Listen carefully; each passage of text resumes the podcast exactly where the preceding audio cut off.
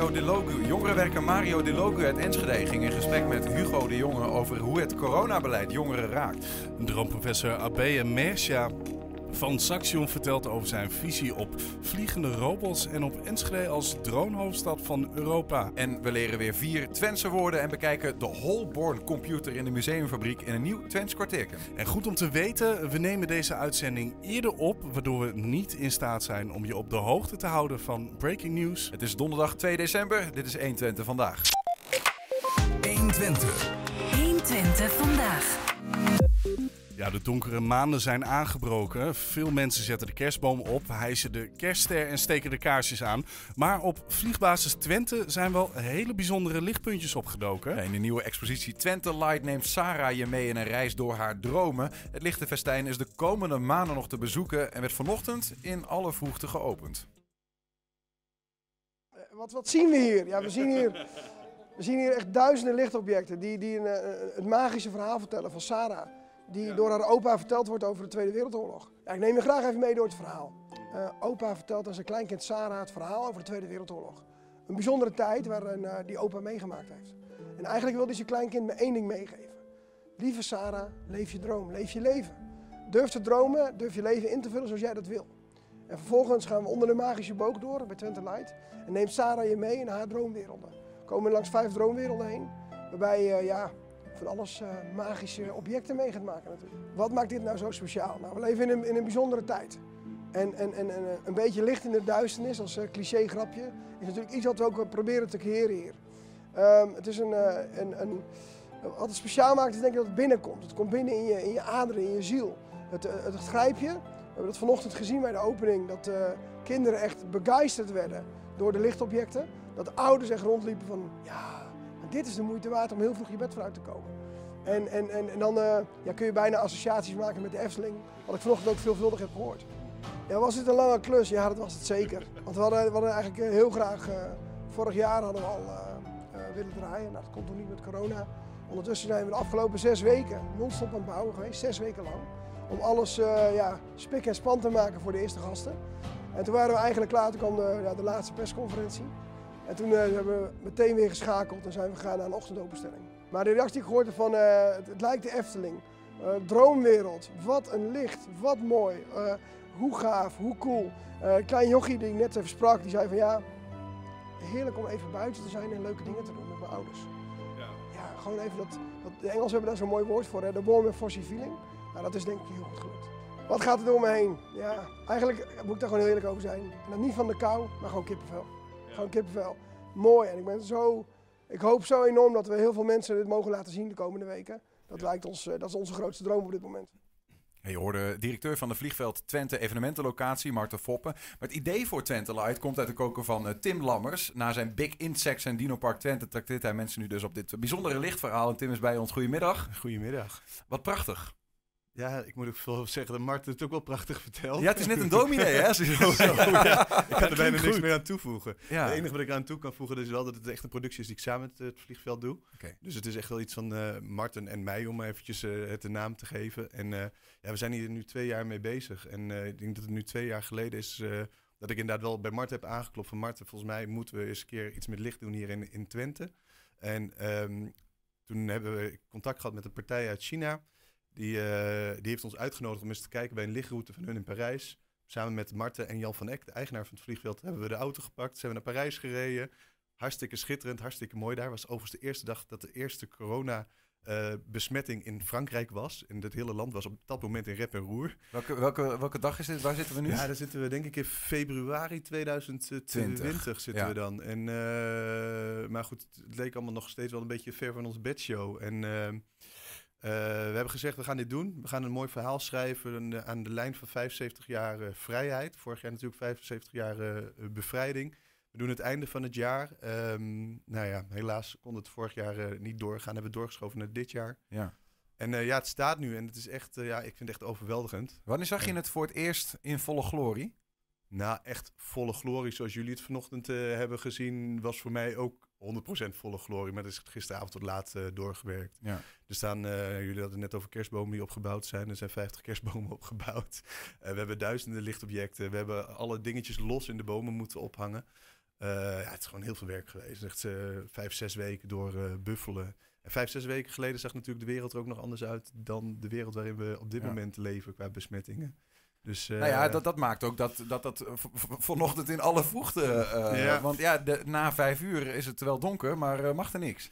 Nee, we hadden eigenlijk jullie afgelopen dinsdag om eh, volgens mij vier uur uitgenodigd. Daar om was een te redacteur van dienst een stuk blijer mee geweest, Ja, denk ik. ja, de ja. Nou ja, dat was inderdaad wel leuker geweest. ja. We hadden echt wel lekkere broodjes klaarstaan. Nee, de Nog een broodjes waren heel koffie, lekker. De dus broodjes die had je anders niet gehad. Maar, maar dat is vroeg, ja. Dat geldt, eh, geldt ook voor mij. Ja, ik stond er ook om zes uur vanochtend. Ja. Maar wel trots en met zo'n glimlach. En, en wat was dan de eerste reactie die, die, toen, toen jij er langs liep eh, vanochtend? Wat, wat gaat er dan direct in jouw hoofd om? Nou, ik, ik, had, eh, ik, ik kom uit Enschede en ik reed de Oldenzaal op. Daar reed de vliegveld, eh, vliegveldweg op. En eh, gek genoeg hebben wij een adres wat geen adres heeft, zullen we maar zeggen. De, het vliegveld ligt aan de vliegveldweg 345. Maar wij hebben, zitten precies tussen twee weilanden met onze oprit. Dus ik kwam die rotonde af op de Oldenzaalstraat en ik zag een hele grote lichtlint. Ik denk, huh? Wow, dat is van ons. Dus Toen dacht ik wel even, shit, dit is vet zeg. Ja. Dus toen ik daar vanochtend aankwam, was ik wel eventjes heel trots, ja. En is het nou, want eh, ja, dit is vanochtend eh, de aftrap. Ja. Is het nou de bedoeling dat dat eh, de komende maanden in de ochtend te bezoeken blijft? Dat is zo'n ingewikkeld tijdstip dan, lijkt me. Het, het is de bedoeling dat we 19 december te horen krijgen dat we s'avonds open mogen vanuit Den Haag. Maar dat weten we natuurlijk niet, want Ja. het is elke week anders. Eh, maar tot die tijd hebben we gezegd, we gaan 11 en 12 en 18 en 19 december gaan wij eh, 's ochtends open. Maken een mooie ochtendwandeling van. En eh, ja, weet je, ik kom vanochtend uit mijn bed en om kwart voor zes staan mijn dames van vier en zes al op de bank te springen. Toen dacht ik, ja, voor kinderen is dat helemaal zo'n probleem. Nou, dat inderdaad. Ja, ik heb geen kinderen, maar eh, inderdaad, ik kan me voorstellen, voor kinderen is dat eh, no point, zeg maar. Nee, nee hoor, dat is Ja. vroeger gemogen van Ja. hey, maar je zegt net iets interessants. Je ging, je, je, je ging naar Parijs om een, met een partij in China te kijken naar wat, wat hebben ze daar gemaakt.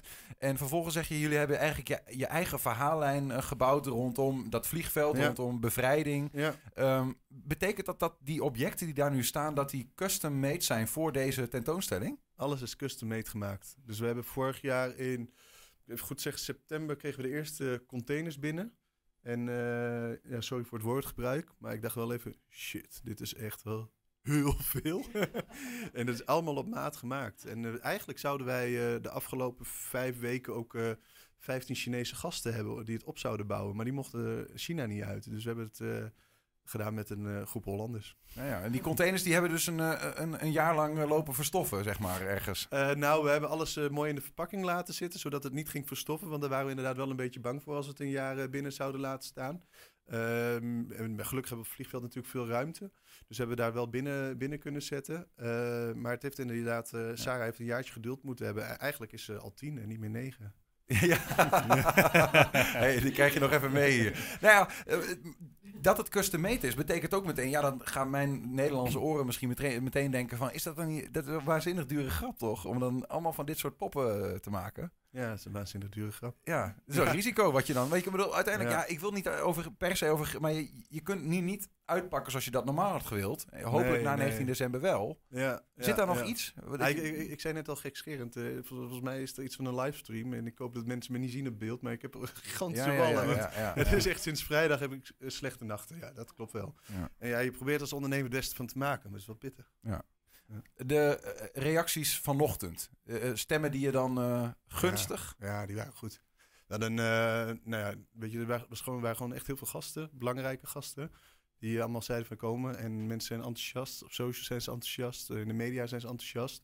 Ik kreeg echt letterlijk reacties van... Ja, ik had wel wat verwacht, maar ik had niet dit verwacht. Het is echt Mhm. wel heel groot. Dus dat is wel... eh, ja, daar word ik wel blij van. Maar uiteindelijk wil je s'avonds open. Want het is gewoon... Het is in het donker het mooist. En we zijn dan wel... Om, vanochtend was het een half zeven, maar we gaan om zeven uur open in de weekenden. Ja, het wordt op een gegeven moment wordt het licht. En je moet het gewoon in het donker beleven. Ja, en het is ja. jammer dat je daar loopt en op een gegeven moment ziet dat langzaam het zonnetje opkomt eigenlijk. Ja. Want neem ons even mee, wat, wat zien we dan als we daar dan, eh, eh, als het nog donker is, we lopen onder een boog door, zag ik net. Door, door een verhaal waarvan we net even horen, het verhaal van, van Sarah. Maar wat, wat zien we langs de weg? Ik geloof dat er ook vijf verschillende thema's zijn. Ja. Eh, kun je er iets over vertellen? Ja, je begint eigenlijk eh, echt op, op, op, op het vliegveld, zullen we maar zeggen. Dat, in het verhaal van opa over de Tweede Wereldoorlog. Daar hebben we echt een eh, lichtsculptuur gemaakt van een tank, van een vliegtuig. Je ziet een aantal soldaten. Je ziet een aantal soldaten met, met, ook met Sarah praten. Dan ga je onder een boog door. Daar staat op vrijheid om te dromen. Daar zit opa bovenop met zijn boek die aan het voorlezen is aan Sarah. Eh, waarna je eigenlijk de droomwereld van Sarah ingaat. De wereld waarin wij op dit moment leven. En eh, ja, goed, dat zal misschien niet iedereen met me eens zijn. Maar dit is wel een land waar we kunnen zijn wie we zijn. En wat we mogen doen wat we doen. En waar we onze dromen kunnen, kunnen dromen. En dat heeft natuurlijk ook wel mede mee te maken dat we in de Tweede Wereldoorlog bevrijd zijn door de mensen die eh, ons bevrijd hebben. Eh, je loopt die wereld in. eh, je komt in de wereld eh, onder water, op water. Je komt in de snoepwereld, de lievelingswereld van mijn dochters. Die meteen daarop af. Al snoepjes mega groot. De Jamin is er niks bij. Ja, wat is het grootste object wat ertussen zit dan? Even ik denk dat het grootste object dat ertussen zit, dat je net ook hebt gezien, dat is het hert met de, met de maan op de achtergrond. Dat vind ik overigens ook meteen het mooiste hoe, object. hoe groot is zoiets ongeveer voor ons ja, beeld? volgens mij zal die een metertje of vier hoog zijn. Zo, ja. Dus het is wel echt wel huge. En hij heeft een beetje, degene die het niet hebben gezien, eh, het heeft een beetje de kleuren en eh, een beetje de griem van eh, de maskers van Dia de los Muertos. Het Mexicaanse Mhm. feest. Ik weet niet of jullie het kennen. Maar dat is allemaal heel kunstig. En dat vind ik echt wel, echt wel de tofste die ertussen zit. Ja, ja. Dus we, we lopen binnen, droom van, oh, of in ieder geval de bevrijding, de droom van Sarah stappen we Ja. binnen, zien we de snoepwereld. Je ziet een snoepwereld, je ziet een onderwaterwereld, je ziet een planetenwereld, je ziet een dierenwereld. We hebben ook flamingo's. Daar mijn dochters ook erg van gecharmeerd. Eh, dus je komt van alles tegen wat de kinderen in hun dromen tegenkomen. Maar is het, is het want je, we, we noemen een aantal keer kinderen, je noemt je eigen kinderen, hoe ze eigenlijk al op, de, op het bed zaten te springen vanochtend. Maar als ik die beelden zo zie, dan denk ik, ja, wat, wat vinden die ouders? Want die zijn ook begeisterd, neem ik aan. Nee, je hebt helemaal gelijk. Ik, ik heb het steeds over kinderen, maar dit, dit is ook gewoon voor volwassenen hartstikke mooi. Dus ik, vanochtend waren de reacties van volwassenen ook wat tof. Ja. En eh, dit, dit ga ik ook aan mijn vrienden vertellen. Maar goed, ik, ik, ik refereer heel snel naar kinderen, omdat ik over het algemeen alleen maar evenementen echt op kinderen richt, zeg maar. Dus, eh, en dat is een beetje de wereld waarin ik op dit moment leef als jonge vader. Even toch voor de administratie, wat kost een kaartje om eh, dit te kunnen zien? Eh, een kaartje kost 11,50 voor kinderen en 13,50 voor eh, volwassenen. Dat is te doen, toch? En, dan, En, eh, en, en wij- wat we hebben gezegd, we gaan nu in de ochtend open, twee weekenden. Dan krijg je een broodje en een eh, warm drankje bij, dat je niet met een lege maag hoeft rond te lopen. Ook en voor, dan komt hij weer, kinderen, we hebben een muffin en een stuk fruit en een eh, lekker glas limonade. En we hebben nu de, we hebben van jouw hand in ieder geval de afgelopen tijd de insects, we hebben de dinosaurussen gezien, nu dit lichtfestijn. Zit er alweer iets wat wij Ja, nog niet weten? Ligt er al wat in die containers? ja.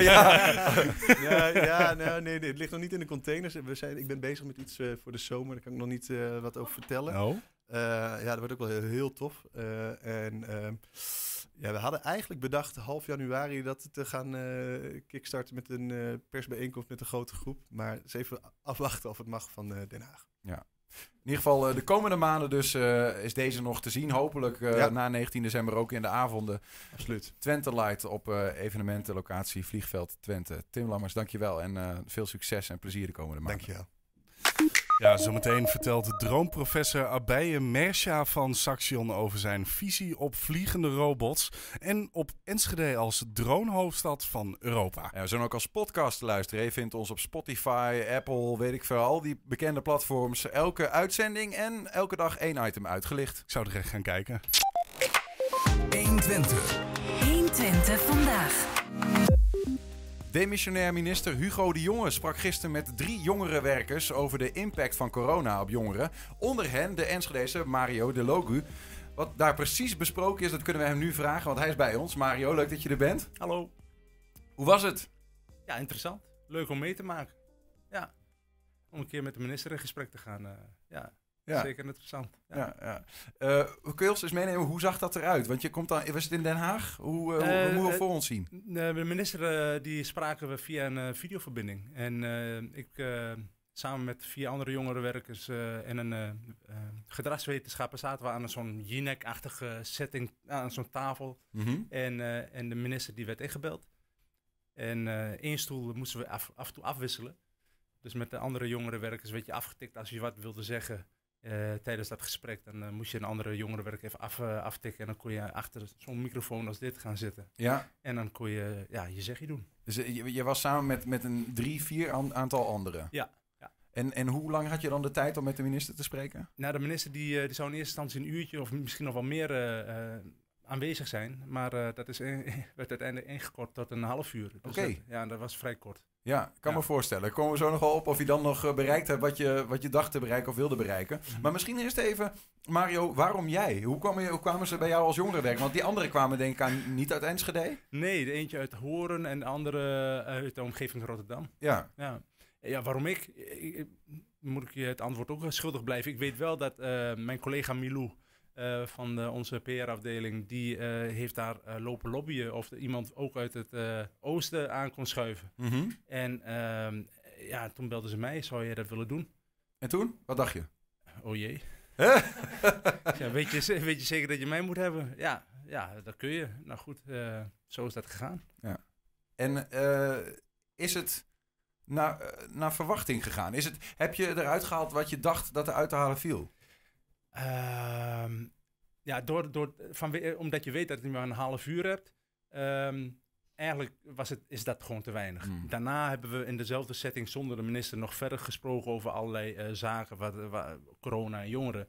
En dat, dat was wel waardevol. Ja, ja. Ehm, maar echt, ja, eh, op het eind met de minister begon het er juist een beetje ja, te schuren. Dat je dacht, we, we hebben verschillende belangen. En, en dan kwam je echt in een leuke discussie terecht. En, maar toen werd je afgekapt vanwege tijdsgebrek. Ja, en dat was jammer. Over dat schuren komen we ook nog wel eh, op terug. eh, die tegenstelde belangen. Ik heb daar ook een aantal dingen van eh, gezien al. Maar ben benieuwd hoe je erover denkt. Ehm, wat was eigenlijk de, de initiële gedachte? Want, want je gaat met de minister, eh, met de demissionair minister om tafel. Je bent een jongerenwerker. Wat was het doel eigenlijk van het gesprek? Het doel eh, was eh, voornamelijk om, om te praten over wat corona eh, met jongeren doet eh, eh, en heeft gedaan tot nu toe. De impact van, van de, de crisis, van, van de maatregelen, dat was eigenlijk ja, een grote thema. Ja. Van, vanuit ons in ieder geval en het belang van het jongerenwerk te benadrukken. Ik kreeg wel ehm, ook het idee en, en werd ook benoemd dat vanuit het ministerie en de minister eh, meer fake news eh, eh, onder jongeren, die wilden dat eigenlijk bespreken. En, dat was hun belang, zeg ja, maar. Ja, omdat, ja, ja, dat en het vaccinatieprogramma een beetje. Dus ja, dat was eigenlijk de, de verschillende thema's. Invalshoeken. Ja, invalshoeken, precies. ja. Maar en, en als je dan, ehm, je bent jongerenwerker in Enschede. Ik weet niet, misschien sp- speelt het in Hoorn en in Amsterdam ook wel op die manier. Wat, wat zie je gebeuren onder jongeren in deze tijd? Ja, dat, eigenlijk is het landelijk woord. Ik sprak ook met mijn collega's daarover. Je, je merkt gewoon dat, dat, dat jongeren, ehm, nou sowieso niet alleen de jongeren, iedereen eh, corona moe zijn. Ehm, eh, ik hoor het op de scholen, ze moeten weer mondkapjes op. En dat is heel moeilijk eh, om dat weer voor elkaar te krijgen. Vorig jaar ging dat wat makkelijker. Kortere lontjes. ehm, nou goed, en de, de geluiden van eenzaamheid, sombere gedachten, die krijgen wij ook via allerlei netwerkpartners terug. Mhm. Dus dat, ja, dat, dat is eigenlijk eh, wat er gebeurt. Ja, dat is natuurlijk ook wel een beetje inherent aan de crisissituatie waar we in zitten. Je zegt, het is ook voor, voor volwassenen is dat zo. Ja. Ehm, de vraag is eh, wel, wat, wat kunnen we daar eh, aan doen? Zonder dat we nou ja, de crisis groter maken dan die is bij op, op gezondheidsgebied. Ja. Eh, heb je daar bepaalde ideeën voor kunnen aandragen bij de minister? Ja, ons belang is natuurlijk het belang van de jongeren en, en dat, dat zij zoveel mogelijk zich kunnen ontwikkelen, blijven kunnen ontwikkelen. En, en, en, en door zich de, door de, de huidige ehm, situatie te, in stand te houden, tenminste voor, voor de jongeren, de vrijheid te blijven houden om, om, zich, om te ontmoeten vooral. Mhm. Eh, waardoor ze zich kunnen ontdekken eh, van waar sta ik, wie ben ik, eh, nou goed, wie vind ik leuk, wie vind ik niet leuk. Als je, ja, dat, dat wilden we graag blijven behouden. Ja, ja. En, en ehm, er ook weer benadrukkend, ehm, anderhalf meter is heel belangrijk, maar voor jongeren van 13, 14, 15, ja, zeg maar, hou, hou maar af, afstand. Dat is zo ontzettend Ja. moeilijk. Nou ja, maar goed, maar dan kom je meteen ook op een ingewikkeld punt. Dat aan de ene kant dit natuurlijk eh, iedereen zal toejuichen van hè, die, die scholen. Daar ontmoeten die jongeren elkaar. En dat is om eh, goed tegen eenzaamheid en vriendschappen opbouwen en weet ik veel wat. Tegelijkertijd heb je ook mensen die zeggen: ja, maar dat is nummer één eh, besmettingslocatie op dit moment. Da- dat moeten we niet hebben. Hè, die snappen niet dat nu bijvoorbeeld de horeca de prijs betaalt voor die eh, besmettingen onder jongeren. Hoe kijk je daar tegenaan? Ja, begrijp ik. Moeilijk evenwicht. Ik heb dat ook, eh, ja, ook benadrukt dat ik snap, bedoel, ik zou niet in zijn schoenen willen staan van een minister. Je hebt zoveel belangen, ondernemers, horeca, ziekenhuizen, zorg, et cetera. Allemaal, iedereen die wil prioriteit eh, nummer één eh, zijn eh, voor de minister. Mhm. Alleen ik zit daarvoor eh, om de belangen van de jongeren te behartigen. Ja. En, en dus voor mij is het is een dooddoener nummer één, maar de jeugd heeft de toekomst. Ja. En we zien nu al de gevolgen van wat wat op, op korte termijn doet. door die beperkingen. Laat staan wat het op de lange termijn doet. Dat hebben we nog niet eens duidelijk. Dus ik kom op voor de jongeren. Ik wil graag dat we, dat we blijven, kunnen blijven doorgaan om de ontmoetingsplekken te houden. De activiteiten, dat ze elkaar kunnen, kunnen ontmoeten. Kijk, de, met die besmettingen, ja, luister, daar is, is de gemeente, of tenminste de minister voor om, om daar andere oplossingen voor te vinden. Ik kom op voor de jongeren. Ik wil kijken van wat we kunnen uh, om, ja, erger voorkomen. Uh, door uh, ja, onze activiteiten in ieder geval door te kunnen laten gaan. Ja, gewoon bij elkaar kunnen komen. Ja. Desnoods op ja. een veilige afstand of wat dan ook. Maar dat is Precies. nooit weer een lockdown voor jongeren, dat zou je zeggen. Ja, joh, dat is echt funest. Ja. Um, dan het puntje, want je noemt nog twee andere dingen. Je zegt waar het ook misschien wel wat schuurde, uh, vaccinaties. en de manier waarop daarover wordt gecommuniceerd met jongeren. Uh, maar je zei ook fake nieuws. Hè? Dus het ministerie heeft er belang bij dat hun nou ja, lezing van de zaak goed bij jongeren terechtkomt. Zie je daarin bij jongeren dat ze vatbaar zijn voor desinformatie? waar halen ze eigenlijk hun nieuws vandaan? Ja, eigenlijk is het met jongeren niet anders dan volwassenen. Ik bedoel, in mijn omgeving en misschien bij jullie ook, heb je tien verschillende mensen die tien, tien verschillende dingen aandragen wat ze hebben gelezen. Ja, ga daar maar eens uit filteren wat waar is en niet waar. De overheid zegt wat, maar in elke praatprogramma heb je specialisten, uh, dokter, doktoren, et cetera, die allemaal bijna wat anders zeggen. Ja. Ga, probeer dat maar eens te filteren. Dus dat hebben we, daar hebben we het gisteren ook over gehad. Ja, maar goed, dan komt die vraag bij jou van Mario. Als jij met de jongeren zit, kun je dan ons verhaal vertellen? Maar dan zeg je ook van ja, voor, voor jou geldt ook dat je uh, tien verschillende informatiebronnen hebt en soms de exact. Dus draad kwijt bent, denk exact. ik. Dus dat hebben we ook, ook benoemd. Er zat een gedragswetenschapper die was uh, uh, ge, gespecialiseerd in fake news. En die legt uit hoe we dat zouden moeten aanpakken. Maar ook mijn collega's en ik die er daar zaten. Ja, prima. Maar dan moet je echt goed Um, um, ja, geïnformeerd zijn Wat daarover. zei die dan, die gedragswetenschapper? Nou ja, dat, dat je uh, als je in gesprek gaat met jongeren uh, probeert te ontkrachten uh, de, wat is fake, wat is echt. En um, nou goed, en ja, nog, daar had hij een heel verhaal over. Dat staat me nog niet helemaal helder voor de geest. Ik moet het allemaal nog terugzien.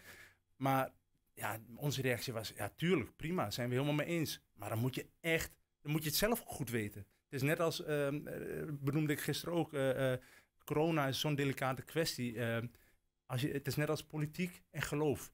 Als ik in discussie ga over geloof bijvoorbeeld, dan moet ik echt goed weten waar ik over praat. En dat geldt ook over politiek. Anders ja, sla je de plank mis. Ja. En dat geldt ook voor corona. Ja, als ik, als ik een, iets wil uitleggen of iets wil onkrachten, dan, dan moet ik ook echt zeker weten dat het klopt wat ik zeg. Ja. Maar wil je die plek überhaupt hebben als jongerenwerker? Nou, en daar, daar, um, daar hebben we het gisteren ook, daar schuurde het een beetje. Want uh, de vraag van, uh, van de minister was gewoon, hoe gaan jullie om met jongeren die dan zo tegen vaccineren zijn? En, en toen gaven wij aan, ja, wij proberen neutraal erin te staan. We proberen in ieder geval daar waar mogelijk echt van fake te, onder, te, te, scheiden voor, voor de jongeren. Mm -hmm. En in gesprek te blijven, uh, uh, te blijven gewoon op zo'n manier. En daar, dat vond hij uh, dat het iets te, te weinig was. Vrijblijvend. Hij, vond dat, dat neutraal zijn, dat, dat was niet voldoende. Ja. Hij wilde eigenlijk, nou goed, hij, niet in die woorden, maar hij vond in ieder geval neutraal blijven onvoldoende. Dus eigenlijk wilde hij dat wij stelling zouden nemen. Want iedereen moet gevaccineerd zijn. Want dan is het, dat zou beter zijn voor, de, voor Ja. iedereen, voor heel Nederland. Ja. Ja, zo werkt het niet bij ons werk. Waarom doe je dat niet? Nou, het is heel simpel. Als jij tegen bent en ik zeg tegen jou, joh, je moet je echt vaccineren. En als ik blijf doorgaan, denk je, hey, met die eh, man heb ik helemaal, eh, wil ik helemaal geen gesprek meer. En zo werkt het met jongeren ook. Ik wil in contact blijven met jongeren. En voor langere termijn. Ik snap dat voor de eh, minister op dit moment belangrijk is, maar wij moeten toch verder kijken. Want het is wel een interessant punt natuurlijk. Hè? Want uiteindelijk, eh, ehm, als je dat zo zegt, dan denk ik... Ik hoor dat namelijk ook van volwassenen. Eh, die zeggen, het, de manier waarop het beleid verkocht wordt... of eh, gebracht wordt, een soort van campagne... eh, dat is voor sommige mensen reden om te zeggen... "Hm, die gaan hakken in het zand. die meer autoritaire manier van overbrengen van... ja, dit is wat we moeten doen. Dan zeggen ze, ik moet helemaal niks. Ja. En dan komt ook die kloof, zeg maar. Dus ja, als je zegt van... als jij als jongerenwerker ziet, bij jongeren werkt dat niet... dan vraag ik me af in hoeverre het bij eh, Nederland als volk wel werkt. Ja, goed. eh, een opmerking van mij was ook, als je eh, heel veel ouders denken precies hetzelfde.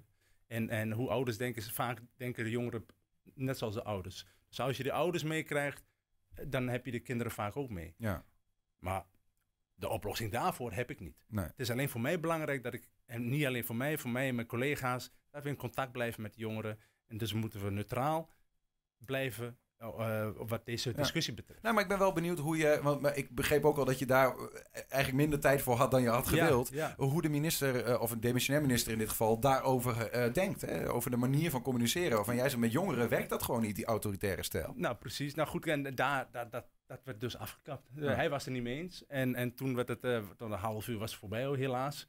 En toen werd het afgekapt en er was nog een laatste woord. En nog een bemoedigende, van eh, jullie zijn goed bezig eh, eh, woordje. En, en ja, toen Ja. was het einde verhaal. Hey, en je hebt nog een hele stapel met vragen van jongeren. Ja. Ook, misschien ook wel van Enschedese jongeren. Ja, ja, juist van, van, van collega's, van, van jongeren, van netwerkpartners.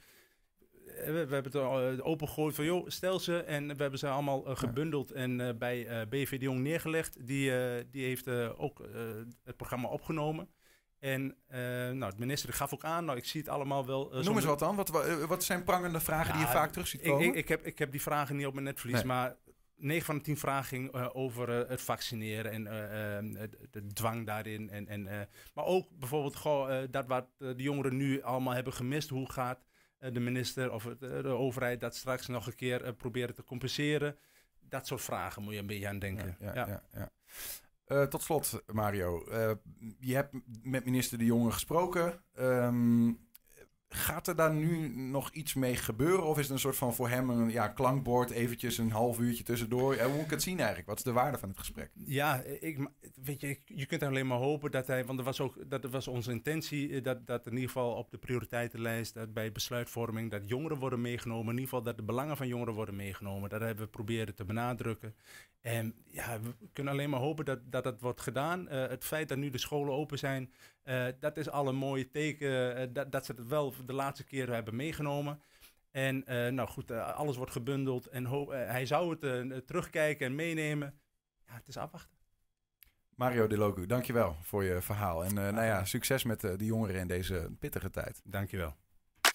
Ja, straks in het Twents kwartierke onderwerp juf Adrie ons aan een nieuwe quiz met vier Twentse woorden. En duiken we in de- het depot van de museumfabriek om te kijken naar de Holborn computer.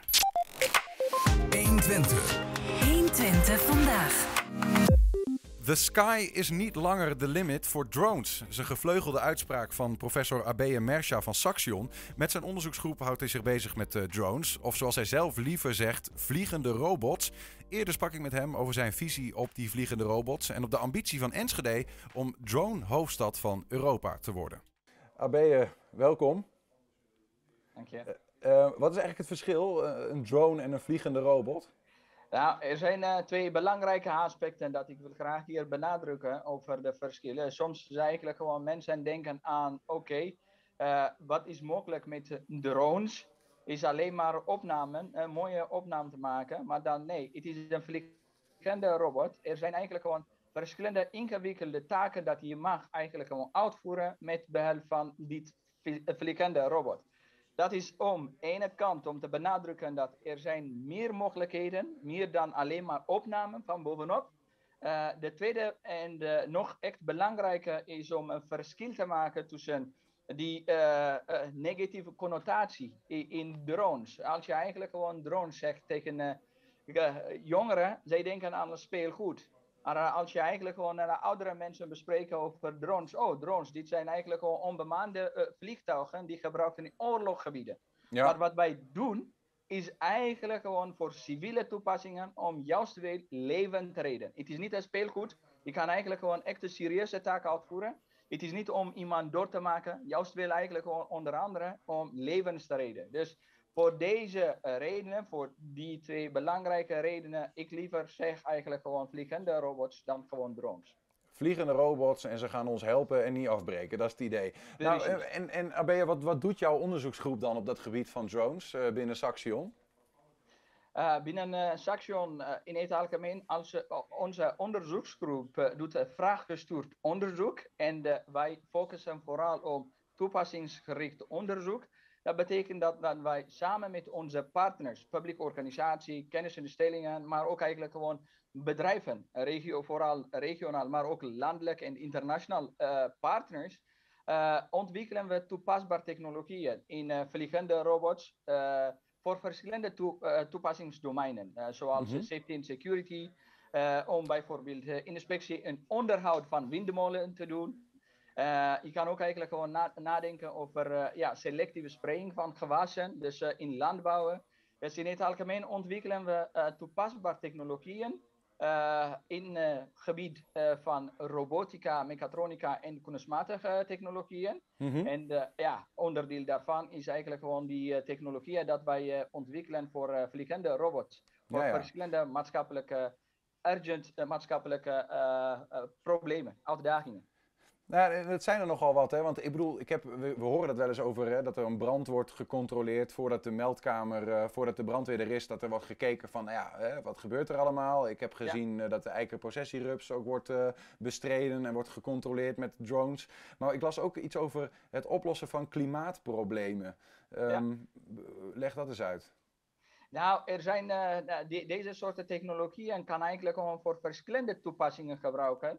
En dan uh, ge gebruikt kunnen worden. Uh, onder andere voor klimaatverandering. Als je, nou, een voorbeeld. Het is niet alleen maar die, maar ook eigenlijk gewoon als een voorbeeld. Denk na als wind, windmolen. Die zijn eigenlijk tegenwoordig vanwege de klimaatverandering. Er is eigenlijk een transitie naar groen energiebronnen. En dat is eigenlijk gewoon installatie van vliegen, windmolen. Is eigenlijk tegenwoordig ja, uh, uh, er is een toename. En denk mm-hmm. na om die eigenlijk gewoon die uh, groene energiebronnen te benutten. Je moet ook eigenlijk gewoon op tijd inspectie en onderhoud, zodat de zijn nog steeds efficiënt kunnen gewoon werken. Denk na, bijvoorbeeld als tegenwoordig als iets misgaat vanwege erosie of van, vanwege ja, een, een bepaalde problemen. Wat gaat eigenlijk gewoon gebeuren is dat de windmolen stilstaat. En dan iemand moet eigenlijk gewoon naartoe gaan, met de touwtjes gaan inspecteren en dan ook eigenlijk gewoon onderhouden. Als je ja. nadenkt over de tijd dat dit kost, uh, dat, dat je kan eigenlijk gewoon dit niet, uh, windmolen niet gebruiken. Dus uh, omdat dit moet stilstaan. En de andere kant is ook eigenlijk gewoon, het duurt tijd om de voorbereiding voor veiligheid redenen, om de mensen om te laten staan en dergelijke. Maar mm -hmm. denk na dat deze soorten vliegende hand bijvoorbeeld, een vliegende robot met een robotica kan eigenlijk gewoon dit van een afstand inspecteren en onderhouden. Ja, ja ik, ik begrijp dat. Het is een soort van, het is een, een, een verlengstuk van de mens. Hè, waar, maar vaak ik, zie ik dan zo'n vliegende robot nog wel als iets wat ik zelf uh, vanaf de grond met een afstandsbediening, uh, die ik in de lucht zie en die ik aan het besturen ben. Maar nou begrijp ik ook dat jij op Saxion met je onderzoeksgroep bezig bent met een drone die eigenlijk alles zelf doet. Waar ook helemaal geen mensen meer aan te pas komen. Uh, hoe ziet dat er eigenlijk uit? Kun je dat eens Precies. uitleggen? Uh, die onbemande robotische systemen, onder andere ja, uh, die vliegende robots, er zijn verschillende modes. Eén is, je kan eigenlijk van afstand besturen. maar toch kan het ook eigenlijk gewoon autonoom. En onze onderzoeksgroep vooral focust om technologie te ontwikkelen om dit uh, helemaal autonoom te laten uitvoeren. Niet alleen maar voor één vlucht, maar ook eigenlijk gewoon continu. Mm -hmm. denk na bijvoorbeeld uh, die technologie dat we hebben ontwikkeld. Dit is mogelijk gebruikt kunnen worden door hulpverleners, politie, brandweer, ambulance. Denk na dat er is eigenlijk gewoon iemand 112 belt. Of er is een activatiesignaal door slimme sensoren vanwege rook of zoiets. Dan wat gebeurt is dat in plaats van het sturen van een mensen, kan die uh, robot, hè, vliegende robots, informatie krijgen. En mm -hmm. op basis van die informatie kan het eigenlijk gewoon zelfstandig opstijgen en naar de plek toe gaan. En de alle informatie verzamelen en de, de juiste mensen eigenlijk gewoon geven.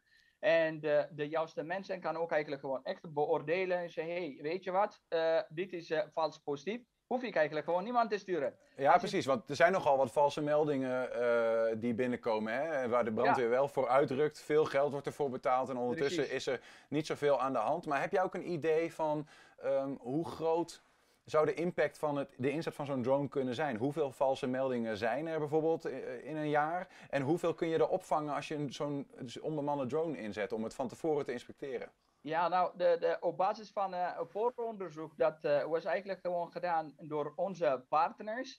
Vooral die activatiesignalen door slimme sensoren. Op basis van onderzoek blijkt eigenlijk 80% van slimme sensoren geactiveerde signalen zijn vals positief. Maar de, je kan eigenlijk gewoon echt nadenken, maar meestal als je eigenlijk gewoon echt een signaal krijgt, wil je iemand besturen. Oh, omdat ja, je weet nooit en wil je eigenlijk gewoon de benefit of the doubt geven. Ja. En dat kost de tijd eh, en dan eh, eh, energie. En ook eigenlijk gewoon, ja, heel veel geld. Ja, oké, maar als je zegt van 80% eh is, vals, is, is een valse melding eigenlijk, dat is best veel. Eh, hoeveel kun jij er zeg maar met zo'n drone eh, afschrapen? Hoeveel procent, eh, ja, kun je ze allemaal dan in kaart brengen en zeg maar zorgen In dat er helemaal niet meer wordt uitgerukt? Ja. Ja, klopt. In principe, in plaats van het sturen van de mensen om te kijken als dit vals positief is of echt is, in jouw aanpakproces, die vliegende robot gaat opstijgen en binnen een minuut kan eigenlijk te plek zijn. En die krijgt eigenlijk gewoon alle informatie, omdat bijvoorbeeld deze vliegende robot is voorzien met verschillende sensoren, actuatoren. Je mag gewoon eigenlijk kijken als ogen en oren en dan zelfs eigenlijk een neu- neus. Ja. En dan de mensen in de meldkamer kan eigenlijk ook makkelijk beoordelen en zeggen, ah, hey, dit is eh, vals positief. Ik hoef eigenlijk gewoon niet. Klinkt uh, als, als een fantastische toepassing. Je noemde net al wat andere toepassingen. Ehm, eh, iets waarvan ik dan denk, nou, let's go. Hè, we gaan ervoor met z'n allen. En Ja. eh, tegelijkertijd eh, weet ik hè, dat jouw gevleugelde uitspraak, de sky is niet langer de limit voor drones. Er is dus nog wel een limiet. Het is, eh, het is een beperking. Het is niet de limit over de mogelijkheden, maar dan, het is eigenlijk gewoon een significant beperking. Dat is eigenlijk gewoon de wet en de regelgeving. En vooral, je kan eigenlijk gewoon niet zomaar vliegende robots vliegen. Eh, voor eh, verschillende toepassingen, voor eh, veiligheidsredenen en noem maar het op. Nu, die wet en de regelgeving is een significante beperking. Dat is eigenlijk gewoon een beperking, niet een limit over de Ja. mogelijkheden. Ja, kun je dus eh, de regelgeving is nu de, de enige beperking waar je nog tegenaan loopt. En dan zouden we, als dat eraf is, zouden we van alles kunnen doen met, met drones. Eh, wat, wat is dan eh, de regel waar je bijvoorbeeld met zo'n eh, drone die je net beschrijft, die eh, branden van tevoren kan eh, inschatten eh, in situaties. Wat is de regel waar je tegenaan loopt? Nou, momenteel, je kan niet eh, de vliegende robots eh, inzetten in eh, allerlei plekken. Je moet eigenlijk gewoon van tevoren goedkeuring vragen. En, eh, eh, en bovendien, je kan eigenlijk gewoon niet in, eh, zomaar in bebouwde omgeving eigenlijk gewoon gebruiken.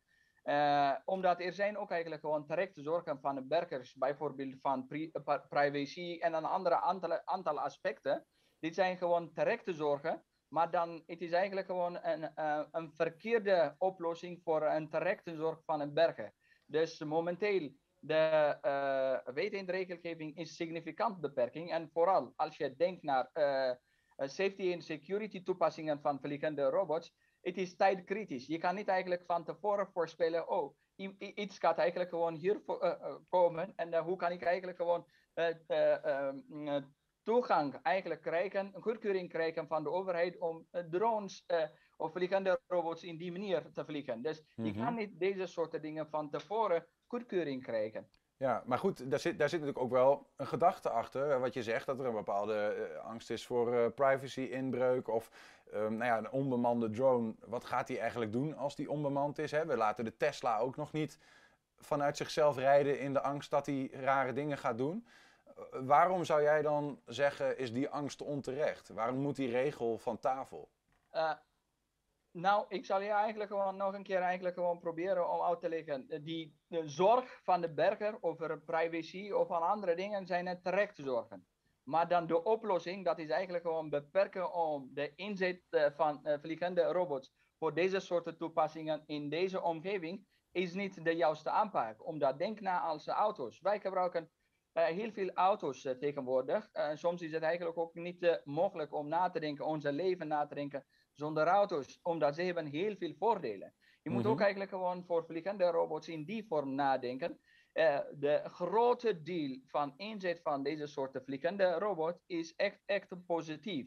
Denk na als in brandincidenten. Op basis van echt de juiste informatie, uh, tijdkritisch informatie, kun je een verschil maken tussen leven en dood. Als je eigenlijk Mhm. gewoon die kant kijkt, grote deel, er zijn voordelen. Uiteraard, er zijn terecht uh, uh, zorgen, maar dan de terecht zorgen moet eigenlijk op een andere manier behandeld worden. Ja, hoe dan? Hoe dan? Wat, wat, wat moet er dan wel gebeuren? Wat zou Ja. jij, als je de touwtjes in handen zou hebben? Ja, nou, ik zal, ik zal je eigenlijk gewoon voor, uh, ver, vertellen. Eén is eigenlijk bewustheid creëren over uh, wat, waarom is dit eigenlijk gewoon de angst? Hoe kunnen we samen eh, die eh, zorgen van de burger om ook eigenlijk gewoon in kaart brengen en dan ook tijdens de ontwikkelingfase in een vorm van regelgeving, in een vorm van technische oplossing, deze juiste zorgen kunnen we ook eigenlijk gewoon adresseren. Dat is één. De tweede aspect is ook eigenlijk gewoon echt een bewustheid creëren over de voordelen. Niet alleen maar als iets misgaat, het is eigenlijk overal op de nieuws. Maar denk na over echt de 90 of 95 procent positieve aspecten. Lukt dat al een beetje? Be- Want je, je bent ook bezig met eh, een lobby. Hè? Enschede wil dronestad eh, van Europa worden, dronehoofdstad. Nou, Ja. Dan moeten die regels moeten er wel af. Lukt het een beetje om de mensen daar eh, de- in Den Haag ook het, aan het verstand te peuteren of in Europa? Het is, het is, het is langzaam, vertraagd een proces, ik moet zeggen. Maar dan in de afgelopen vier, vijf jaren hebben we ook een, een verandering gezien, een positieve verandering. Maar het is eigenlijk gewoon echt langzaam. En de, de technologie, de mogelijke oplossingen, de mogelijke inzetbaarheid voor deze soorten technologieën is significant vergroten. Maar dan de Mhm. echte inzet van eh, deze soorten technologieën is significant beperkt door de wet en de regelgeving. Stel even hè, dat die regelgeving eh, nou, niet misschien er helemaal af zou gaan, maar meer aangepast zou worden, maatwerk, zodat we wel kunnen doen wat goed is, ook met drones. Ja. Zoals jij dat eigenlijk zegt. Ehm, hoe groot zou die industrie voor Enschede slash Twente kunnen zijn, denk je? Hoeveel banen kan het opleveren? Nou, ik denk dat er, wij kunnen eh, eh, eh, eh, heel veel eh, banen kunnen gewoon creëren. eh, niet alleen maar eh, om de technologie te ontwikkelen, maar ook eigenlijk gewoon de inzet van deze technologieën. Eh, ik zou zeggen eigenlijk gewoon als dat mogelijk is, dan eh, eh, kunnen we eigenlijk tenminste binnen een jaar, twee, eh 5000 eh, banen kunnen creëren. Zo, dat is Ja. eh, veel. Dat is heel veel. Ja. Ehm, eh, tot slot, AB, eh, ehm, misschien is er een kort antwoord, dat weet ik eigenlijk niet. Enschede wil graag drone-hoofdstad worden. Ehm, zijn we al, zeg maar, ja, hoe gaat het ons lukken? Dat is eigenlijk de vraag. En wat, en wat gaat ons dan precies lukken? Zeker. Ik denk dat Enschede kan eigenlijk gewoon die hoofdstad, drone-hoofdstad van Europa worden. Omdat ze zijn eigenlijk gewoon echt actief om uh, deze soort oplossingen, technologieën eigenlijk gewoon te faciliteren. Tijdens de ontwikkelingsfase, maar ook eigenlijk gewoon tijdens die uh, inzet. We hebben een, een, meewerkende gemeente, hoor ik je zeggen. We ja. hebben uh, een plek, uh, namelijk op de vliegveldterrein met Space 53, waar getest kan worden. En we hebben een onderzoeksgroep op Saxion en uh, mensen met kennis van zaken die meedenken. Dus we hebben alle kaarten in handen om de beste, meest vooraanstaande dronestad van Europa te worden. Klopt. Ja. Dankjewel uh, AB uh, Mersha, professor op Saxion, die er zich bezighoudt met drones. En succes met wat je daar doet. Dankjewel. Heb je een tip voor de redactie? Mail dan even naar info.120.nl 120. 120 vandaag.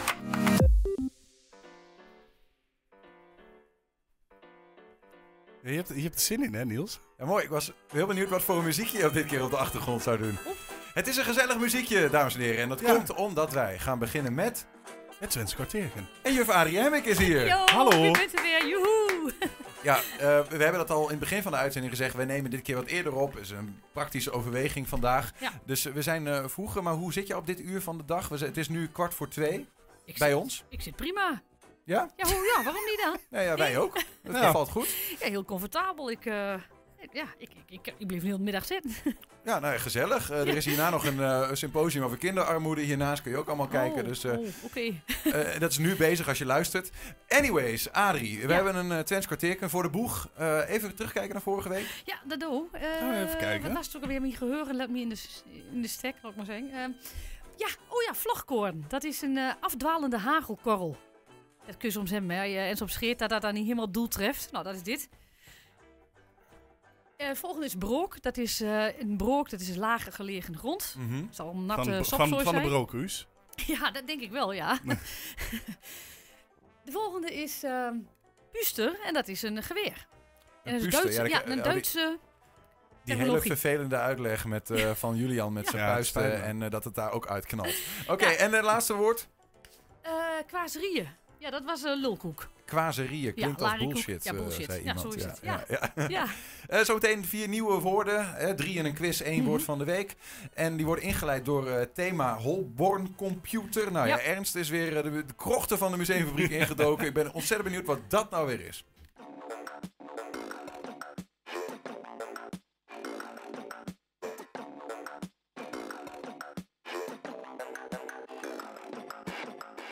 We zitten hier eh, in eh, Spaceship, eh, weet ik hoeveel, Star Ta- Trek. Star Trek Enterprise of zo, hè? Zoiets. Ja, Wat een apparaat is dit, joh. ja. Nou, mooi hè? Ja, het is fantastisch, Ja. vind ik. Ja. ik. James Bond. Ja. Ja. Je verwacht hier een ra raketlanceringen, eh, Ja. stiekem aanvallen op Rusland met kern, die periode. Ja, ja, ja. En toch is dit gemaakt en ontworpen hier in Twente. Maar wat is dit, joh? Ja, dit is een, een, een Holborn computer. Een Holborn computer. Ja, ja, born in Holland. Dat is een anagram. Oké. Dus born in Holland. Maar ontwikkeld in Hengelo, geproduceerd in Enschede. Ja, ja. Maar dus, dit is dus echt in productie geweest. Ja, ja. Dus, eh, ehm, je moet je voorstellen, Het eh, was, eh, het was gewoon een computer. het is gewoon een computer. Oké. Ja, ja, ja. Er was een poging om te gaan concurreren met ehm, IBM in de. Ze wilden hier Waarom, in, waarom lach je? Dat moet je wel serieus nemen, zei Ja. komen. Waarom lach jij nou zo bij? Ja, nou ja, dat is misschien een beetje een underdog gevoel van hier zo van, dat gaat je toch nooit lukken. Maar ze hebben wel een poging gewaagd. Ja. Eh, ja, en ze, ehm, ze wilden hier, eh, het idee was ook een soort Silicon Valley hier te maken, hier in, eh, in Twente. Nou ja, dat, is, dat idee bestaat nog steeds volgens mij. Ja. Over welke jaren hebben we? Eh, 1979 hebben we het. En dan hebben we het over de productie hier in Enschede. Toen, toen was dat zover. Nee, dat, nee, nee, nee. In, in 1979 eh, waren er twee mannen en die kwamen afkomstig van Holland Signaal. En die hadden het plan om zelf een computer te verzinnen. Dus Ja. die hebben een computer verzonnen met ook met een eigen besturingssysteem. Hebben ze- Dus eigenlijk een beetje Apple. Ja, ja, ja, eigenlijk- ja, die hebben ook een Dus eigen de besturingssysteem. de- de- Twentse de- app. de- Nou Twentse app. Ook met design erbij. Nee, ja, ja, dat is- ja. Het lijkt een beetje een iMac. Ja. Het beeldscherm, de computer zit er dan niet in, maar dat, nou ja. Ja, ja. Nou, en ze hebben een, eh, eh, eh, een vormgever gevraagd van wil je hier een aansprekend eh, ontwerp voor maken, Henk Vos. Henk Vos. Ja, volgens mij als ik het goed heb. En eh, eh, die heeft dus dit, dit gemaakt. Het idee was dat ze eh, netwerkcomputers zouden maken.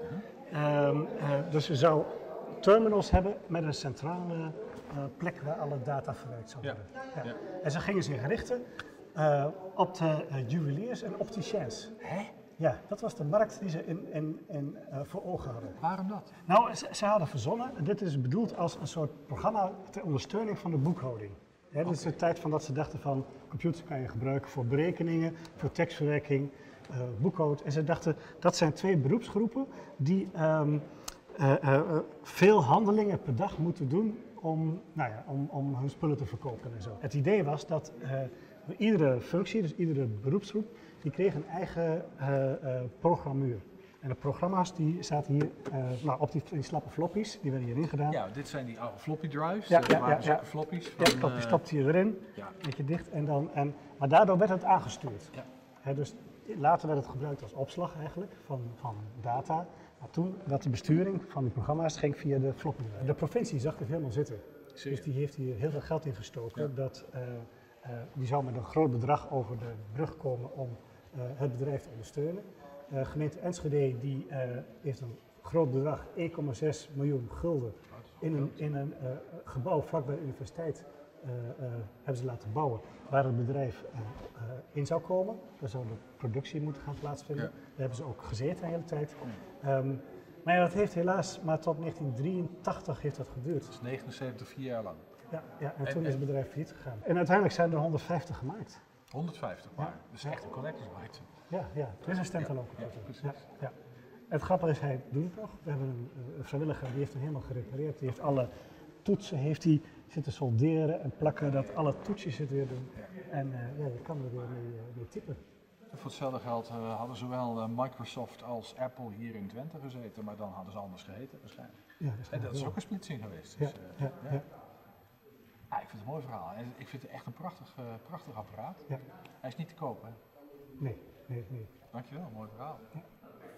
Het is maar goed dat hij niet te koop is, want ik, ik had het zo voor me gezien hoor. Dat Ernst. op de redactie Ja hier, hoor, dan eh. zit hij hier binnenkort met dat ding voor zich. Adrie, je hebt een eh, quiz eh, voor ons eh, klaar gemaakt. drie Twentse woorden, drie Nederlandse betekenissen per woord. Eentje is goed. Nou, aan Julian en mij eh, in dit geval om... eh, en aan die mens aan de andere kant van deze microfoon, hè, de luisteraar, jij daar... om eh, te beredeneren wat het goede antwoord is. Ga je gang, woord 1. En het heeft natuurlijk allemaal te maken met het onderwerp, hè? Pronkwerk. Pronkwerk. Wat, eh, ik zal Ja, het straks waarom, maar. Ja, is het A, juwelen? Ja. Is het B, is het een fotomodel? Of een fotomodel in werk, laat ik maar zeggen. Of is het C, tuindecoraties? Nou, ik, ik, ik zou direct eh, eh, A zeggen. Want het is het werk waar je mee pronkt. Juwelen. eh, dat kan een ring. Iets waarmee je dus pronkt. Ja. Dat, Dus- is, dat, is de, dat is direct wat bij mij eh, naar boven Het komt. Twentse woord pronkwerk. We hebben juwelen, fotomodel of tuindecoraties. Ja, kijk, ik moet denken aan smokwerk. Het smokwerk van Bianca Castafiore had je, hè? Sus- Suske en Wiske. En dat was eh, haar juwelen set. Ehm, maar goed, tegelijkertijd denk ik dan, ja, wat heeft dat met die eh holboard computer te maken? Ja, dat is Nou, het werd, werd- werd, er niet ook eh, bij opticiens of iets anders wat, wat dus ook nou ja, misschien een soort juwelen voor sommige mensen zijn die Ja. een bril hebben. Mhm, Ja, oké. Ja, ik, vind, ik, ik ga ook eigenlijk wel voor pronkwerk.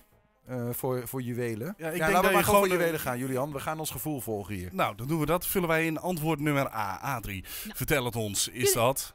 Ja, dat is goed. Hoppa! Nee, nee want, want uiteindelijk, maar smok is, smokwerk is ook eh, een ander woord voor juwelen, hè? In Twents. Ja, ja. Ja, dus dat klopt ook nog. Dat is ook Twents. Ja, maar dit, deze computer werd ook gebruikt bij opticiens en juweliers. Ah. Ju- ja, dat was hem. Ja, ja, dat dat ja. staat ook in het filmpje volgens ja, mij. nee, dacht ik dat weet ik dat- niet dat zeker. was mij even aan de aandacht ontschoten. Ja, Woord 2. ja, dat is, eh, dat is natuurlijk ook moeilijk. Dat is een kunstken. Ja, een kunstje. Klinkt, zo klinkt het. Nou, is het A, kunstmatig? Is het eh, B, een, een, een foefje? Of is het C, nep? Ja, dit, dit is voor mij Deze B. is lastig. Ja, ik, ik leun ook naar B toe. Foefje. Kunstken. Gewoon ook omdat... Ja, ja. Ja, het is een kunstje. Het is een ja trucje. een trucje, een voefje. Een, een, eh, ja, nee. ja, maar kunstmatig. Het kunstken klinkt niet als iets wat... Kunstmatig Nee. is meer een woord wat je... Het is een kunstmatige dit of dat. En kunstken klinkt niet als een... eh hoe nu Een bijvoeglijk iets. naamwoord, zeg maar. Dus ik... eh, een nep? Nee. Ik ga voor foefje, hoor. ik, ik ga met je mee. Ik, eh, eh, ja, ik voel me niet zo lekker bij de andere twee keuzes. Kunstken, foefje, zeggen wij. je Vullen vader. wij in antwoord nummer B.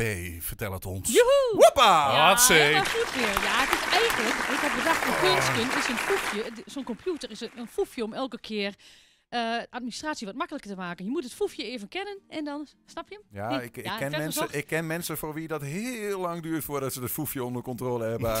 Ja, ik Maar- ben ook met je digi, eh digibeet, maar goed. ja, ja. Maar hey, het gaat goed hè, op de- dit tijdstip van de zijn dag. wel- we zijn veel beter. Ja, jullie bent heel scherp natuurlijk nu, hè? Ja, want hoe later de dag, hoe slechter. Ah, de- we gaan we de drie uit, uit drie eh, scoren Oh. Ja, wat het quizje betreft. Ho- joh? Hongeluf. Hongeluf. Ja. Wat zijn nog zijn? medeklinkers achter elkaar. Is het eh, opportu- opportunisme? Ik had het niet eens uitspreken Ja. bijna. Ja. Is het eh, B, eh, goed vertrouwen? Oké. Zo'n zo trouwe hond, goed vertrouwen. Of is het C, korte termijn idee of ge- gedachte? Alle drie zijn dingen wat een hond heeft. Ja. Hond is opportunistisch, heeft goed vertrouwen en natuurlijk ook korte termijn. Maar ik, ik voel wel wat voor opportunisme. Eh, ehm, ja, ik, ik voel wat voor opportunisme.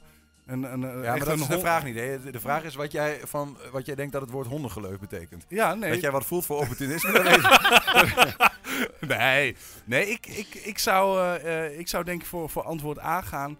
En dan ja, het geloof van een hond, het opportunisme van een hond. Een beetje, beetje in die, in die Ja, stijl. ik volg jouw redenering wel, maar dan kom ik uit bij goed vertrouwen. Ja. Ehm, ja, oh, en ik moet toch hier even mijn eh taalnazisme laten blijken over antwoord C. En het, het zou niet staan, maar ik denk dat een korte termijn idee eigenlijk één woord is. Maar dan konden we natuurlijk niet lezen. Dus ehm, ik, eh, ja, ik, ga, ik, mijn gevoel zegt antwoord B, Julian. Dus hier scheiden nee, onze ik- wegen. Dan scheiden hier onze wegen en dan, eh, dan eh, vullen wij in antwoord nummer B. Adrie, vertel het Adrie ons. Hemming. Wat is het Nou. goede antwoord? Oh nee! Ah, Niels, sorry. En Julian. Woehoe. Kom op dan! Ja, het was eigenlijk... heel- volgens mij hoort dat opportunisme waarbij het idee ze allemaal bij die computer hadden en door in de titel met het, eh, met de TH en het, het idee in de markt brengen. Dus zodoende heb ik dat een beetje door aan koppels. Ja, ja. Kosten. wat gaat er door je heen? Eh, ja, hondengeleuf gaat er doorheen. Nee, ja, oké. opportun- maar waarom, hoe komen we daar zo van? Want is een hond zo opportunistisch dan? Ja, Ja. als ze achter een, eh, een bal, maakt niet uit waar, ze gaan er altijd achteraan. Eh, eh, eh, Ja, eh, dat was ja. het eerste wat in me opkwam. Ja, maar, Ja, ja. Ja, waar de link vandaan komt, weet ik ook niet. Maar ik denk dat het iets te maken heeft met... Ja, te goed... Nee, ja, weet ik niet. Nou, Te op... Ja, Altijd Als blij, iemand het weet, laat het ons even weten. Hondengeleuven, Ja. opportunisme. Eh, we hebben nog één woord te Maar gaan. ik moet wel zeggen, dat is alleen in de buurt van Haaksbergen is dat dat woord volgens mij. Dus het is een- echt een lokaal Twents woord, dat moet ik wel zeggen. Het is niet algemeen geaccepteerd in, eh, in Twente, want er is helemaal geen ander Twents woord voor opportunisme in... Maar ik het je, piepel je ons nou gewoon? Dat het gewoon, de, gewoon een woord is in een klein ge- gebied. Ja, maar dat is heel vaak in Twents natuurlijk. Hè. Dit, eh, het betekent niet altijd iets voor heel Twente. Arie, kun jij het laatste woord, het woord van de week aankondigen? Ja, waar? Ik eh, weet alleen niet meer wat het was. ook alweer. Oh ja, Klaasken, ja. Jessie. Nieuw Twents woord van de week, klaaske. Is het redeneren, slachtoffer of speculatie? We gaan het weer vragen. Ik ben heel benieuwd of jullie het weten. Het Twentse woord van de week. Wat denk je wat het betekent? A, B of C? Klaasken. Klaasken? Ja. Eh Eh kloosken betekent. eh eh Klaasken. Ja. Geen idee. Hoe zeg je dat überhaupt? Klaasken. Klaasken. Ehm, redeneren. Ik weet het weer niet. Het is gewoon elke keer weer hetzelfde. Ik weet het weer niet. Meneer, mag ik u vragen wat het Twentse woord van de week betekent? Klaasken? Ik denk Sinterklaasje of zo. Maar... U mag kiezen tussen redeneren, slachtoffer of speculatie. Eh, ik doe een speculatie. speculatie. Uh, speculatie. Eh, speculatie. Waarom? Ja, geen idee. Dat weet ik niet. Speculatie. Speculatie? Geen flauw idee, ik denk redeneren. Speculatie. ik denk ook redeneren. En waarom denk je redeneren? Weet ik niet, het lijkt me het beste antwoord. Ik denk ehm, redeneren. Misschien omdat het nu een beetje bij deze tijd past. En het woord lijkt wel een beetje op koekjes of zo, dus daarom. Ik denk slachtoffer doen we maar. Waarom dan? Ja, weet ik niet, omdat we nu toch heel veel met corona en dergelijke hebben, toch? Dus ik denk in die context dat het dan misschien slachtoffer is. Normaal zou ik zeggen redeneren. Ik denk speculatie. Waarom denk je dat? Omdat redeneren en slachtoffer mij het minst leken. Slachtoffer. Slachtoffer waarom? Huh? Waarom denk je dat? Weet ik niet, gok maar wat. Oké, Ja, ik denk speculatie. waarom denk je dat? Ja, ik heb eh, familie die een beetje in Drenthe en Friesland woont. Dus ja, doet mij het meest aan denken. eh, redeneren. Waarom denk je dat? Dat, dat is wat ik heb beredeneerd. eh, ja. Klaasken, ik denk slachtoffer. Omdat ik mij slachtoffer voel van deze situatie. C. C. Ja. En waarom denk je dat? Omdat ik dit woord al ooit heb eerder gehoord. Ik denk dat puur omdat Sinterklaas nu is. Ja. Ik ook eigenlijk, ja. Ja, ik denk ook speculatie. Waarom denk je dat dan? Omdat het bijna Sinterklaas is. Ik denk slachtoffer. Waarom denk je dat? Weet ik eigenlijk niet. Ik ook. Allebei slachtoffer. Ja. Ah, A. Een gok. Of kunt u nog een beetje redeneren? Klaasken, Klaasken, Klaas, Klaas. Zou je haast denken Sinterklaas, maar dat is vast niet. Dus eh, nee, ik zou het niet weten. Het lijkt mij het logische. Nee, slachtoffer. Slachtoffer. Slachtoffer. Ja, slachtoffer. Toch slachtoffer. Toch slachtoffer. Oké. De meeste antwoorden die eh, eh, genoemd zijn, zijn redeneren en speculatie. Dat is een beetje kielen kielen. Dus ja, eh, wat denken jullie dat het is? Ik heb een obje- objection. Mag dat? Je zit, je zit zelf in die video, dus als je nu je antwoord gaat veranderen, keur ik het niet goed. Ja, maar mijn andere antwoord zit ook in die video, maar die heeft de video niet gehaald. Dus ja, ik ga hier wijzelijk stil worden nu. Oké, dus eh, nee, ik, ik zat zelf een beetje te denken aan eh, bier, Hutenklaas. Daar kun je slachtoffer van raken. Want als je te veel Hutenklaas drinkt, ja, dan kun je de slachtoffer van je eigen alcoholgebruik worden. Dus ik ga ook voor slachtoffer. Jij zegt ook, maar ik ga voor speculatie. Oh, we gaan nu opeens switchen, Ja, want meneer Klaas heeft het antwoord. Sinterklaas en speculaas en Sinterklaas eh, Oh, maar- is heel sterk gelinkt Nee, aan je hebt je antwoord al gegeven. We vullen het in en Jessie geeft het antwoord. Kom maar op. Je kunt een heleboel op los redeneren, maar uiteindelijk is er maar één antwoord goed en dat is C, speculatie. Wat voel ik me hier bepiepel. Maar ik ga het voor je doen. Gewoon puur omdat het mijn werk is.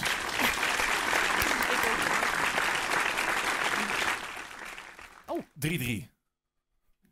3-3. Ja. Ja, we Ja, moeten eigenlijk ja, een ja. tie- Dat is toch Ja. een tiebreak? Nee, Ja, dat gaan we niet doen. Maar Volgende, week, volgende week gewoon weer. volgende week weer gewoon een nieuwe strijd, eh, Adrie, Ja. volgende week. Ah, is het een strijd? Noemen jullie dat echt zo? Nou, wij zitten het de hele week eh, strijd, tegen hè? elkaar. eh, Hier wordt bepaald wie de rest van de week koffie haalt voor de ander. Ja. Ah, op die manier. Dus Ah, nu moet Tim oké. Beumers koffie halen. Nee, Nee. nee, nee, nee, nee, nee, doe een Klaasgebieden koffie, want ook een vanavond een Klaasgebieden koffie. Ja, Dus lekker. Een, een speculatie met, nou, Arie, dankjewel weer voor een eh, nieuwe les deze Ja. week. Tot volgende week. Tjus. Ja, tot zover 120 vandaag. Terugkijken, dat kan direct via 120.nl. En vanavond om 8, om 10, om 12 uur op televisie te zien. Zometeen kun je hier gaan genieten van Henk Ketting met deel 2 van zijn kettingreactie. Veel plezier en tot morgen.